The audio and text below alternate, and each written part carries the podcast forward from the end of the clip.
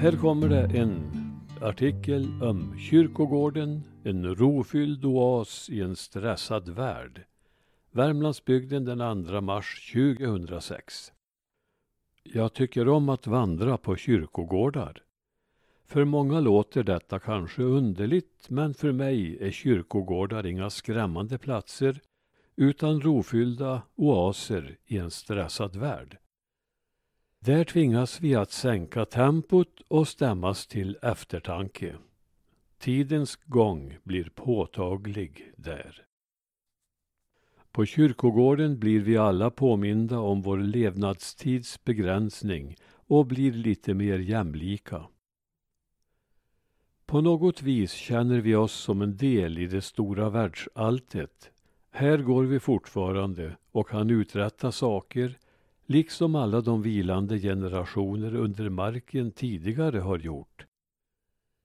Vi ovanpå markytan är ett fåtal jämfört med alla dem som vilar under densamma.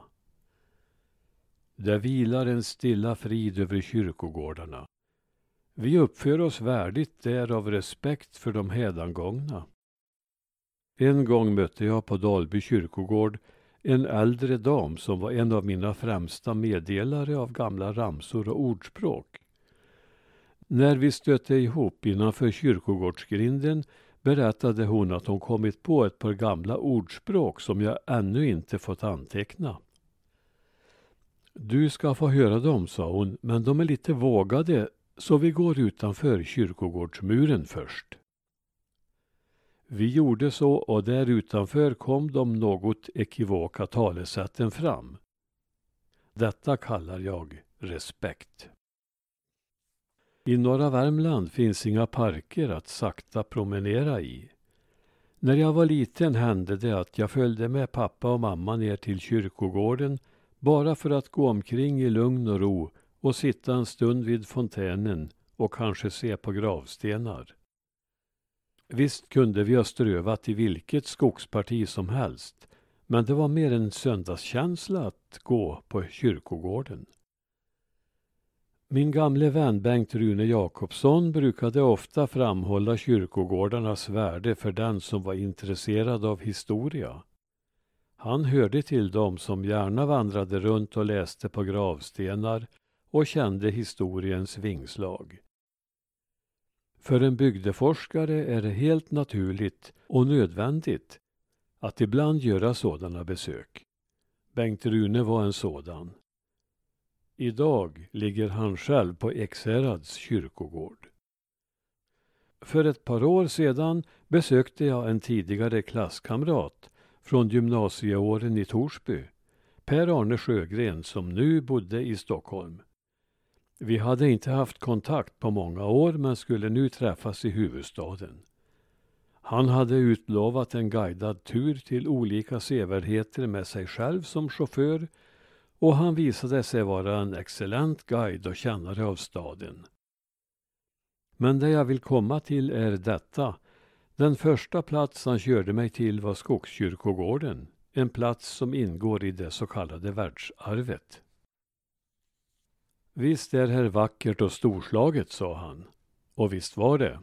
Lite lättad blev han när jag talade om att jag tyckte om att då och då gå på kyrkogårdar och filosofera. Själv var han rädd att han skulle ha uppfattats som en smula morbid med sin svaghet för dessa platser. Gravstenar har mycket att berätta. Många är vackra att se på och många ger kunskap om tider som passerat. Gravarnas placering kan säga en del om hur människor förr värderades olika.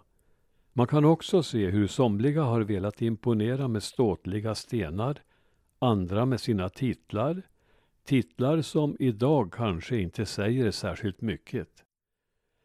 Så kan man också se motsatsen.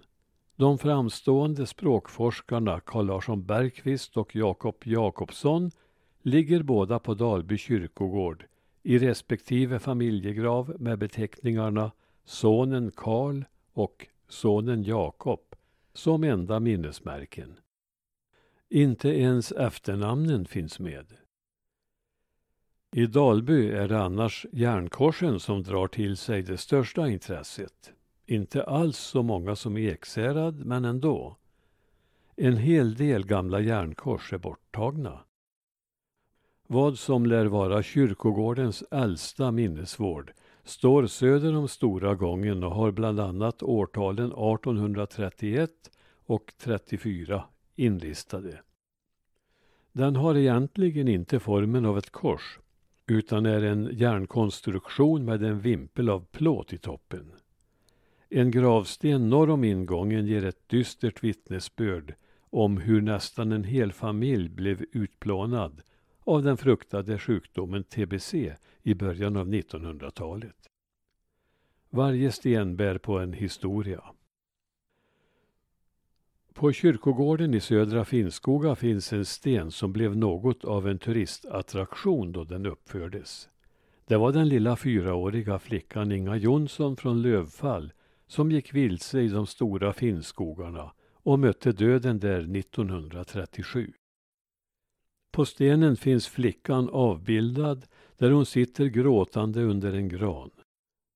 Händelsen ledde till att redaktör Torsten Tegner i Idrottsbladet startade en insamling genom sin tidning och man fick ihop medel så att den vackra gravvården kunde sättas upp. Även om döden kan vara skrämmande behöver inte kyrkogårdarna vara det. Mycket lärorikt och tankeväckande finns runt om i landet på dessa platser. En av de märkligaste gravstenar jag har sett finns på Ravlunda kyrkogård på Österlen. Den är inte imponerande till sin storlek men på grund av texten och den tillhör författaren Fritjof Nilsson Piraten. Här under är askan av en man som hade vanan att skjuta allt till morgondagen. Dock bättrades han på sitt yttersta och dog verkligen den 31 januari 1972. Humorn följde alltså denne store humorist ända in i döden. Ett litet tillrättaläggande. Jag skrev att det var en hel familj i stort sett som vart utplånad av tbc. Men det är frågan om det inte var spanska sjukan som det egentligen var. Och så en sak till. Jag har i efterhand fått en uppgift om den vilsegångna flickan Inga Jonsson som fick sin grav på Södra Finnskoga kyrkogård.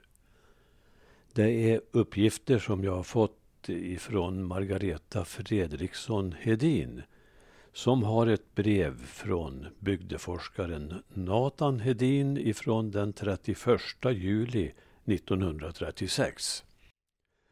Och där skriver Hedin att han kom till Södra Finnskoga, citat, och fick se den stackars flickan som irrat tre dygn i skogen och hörde hennes kvidan. Det grep mig ganska djupt. Slut på citatet. Och detta visar alltså att det var 1936 som flickan gick vilse och avled och att hon levde när hon blev återfunnen men sedan dog en kort tid efteråt. Stenen restes 1937.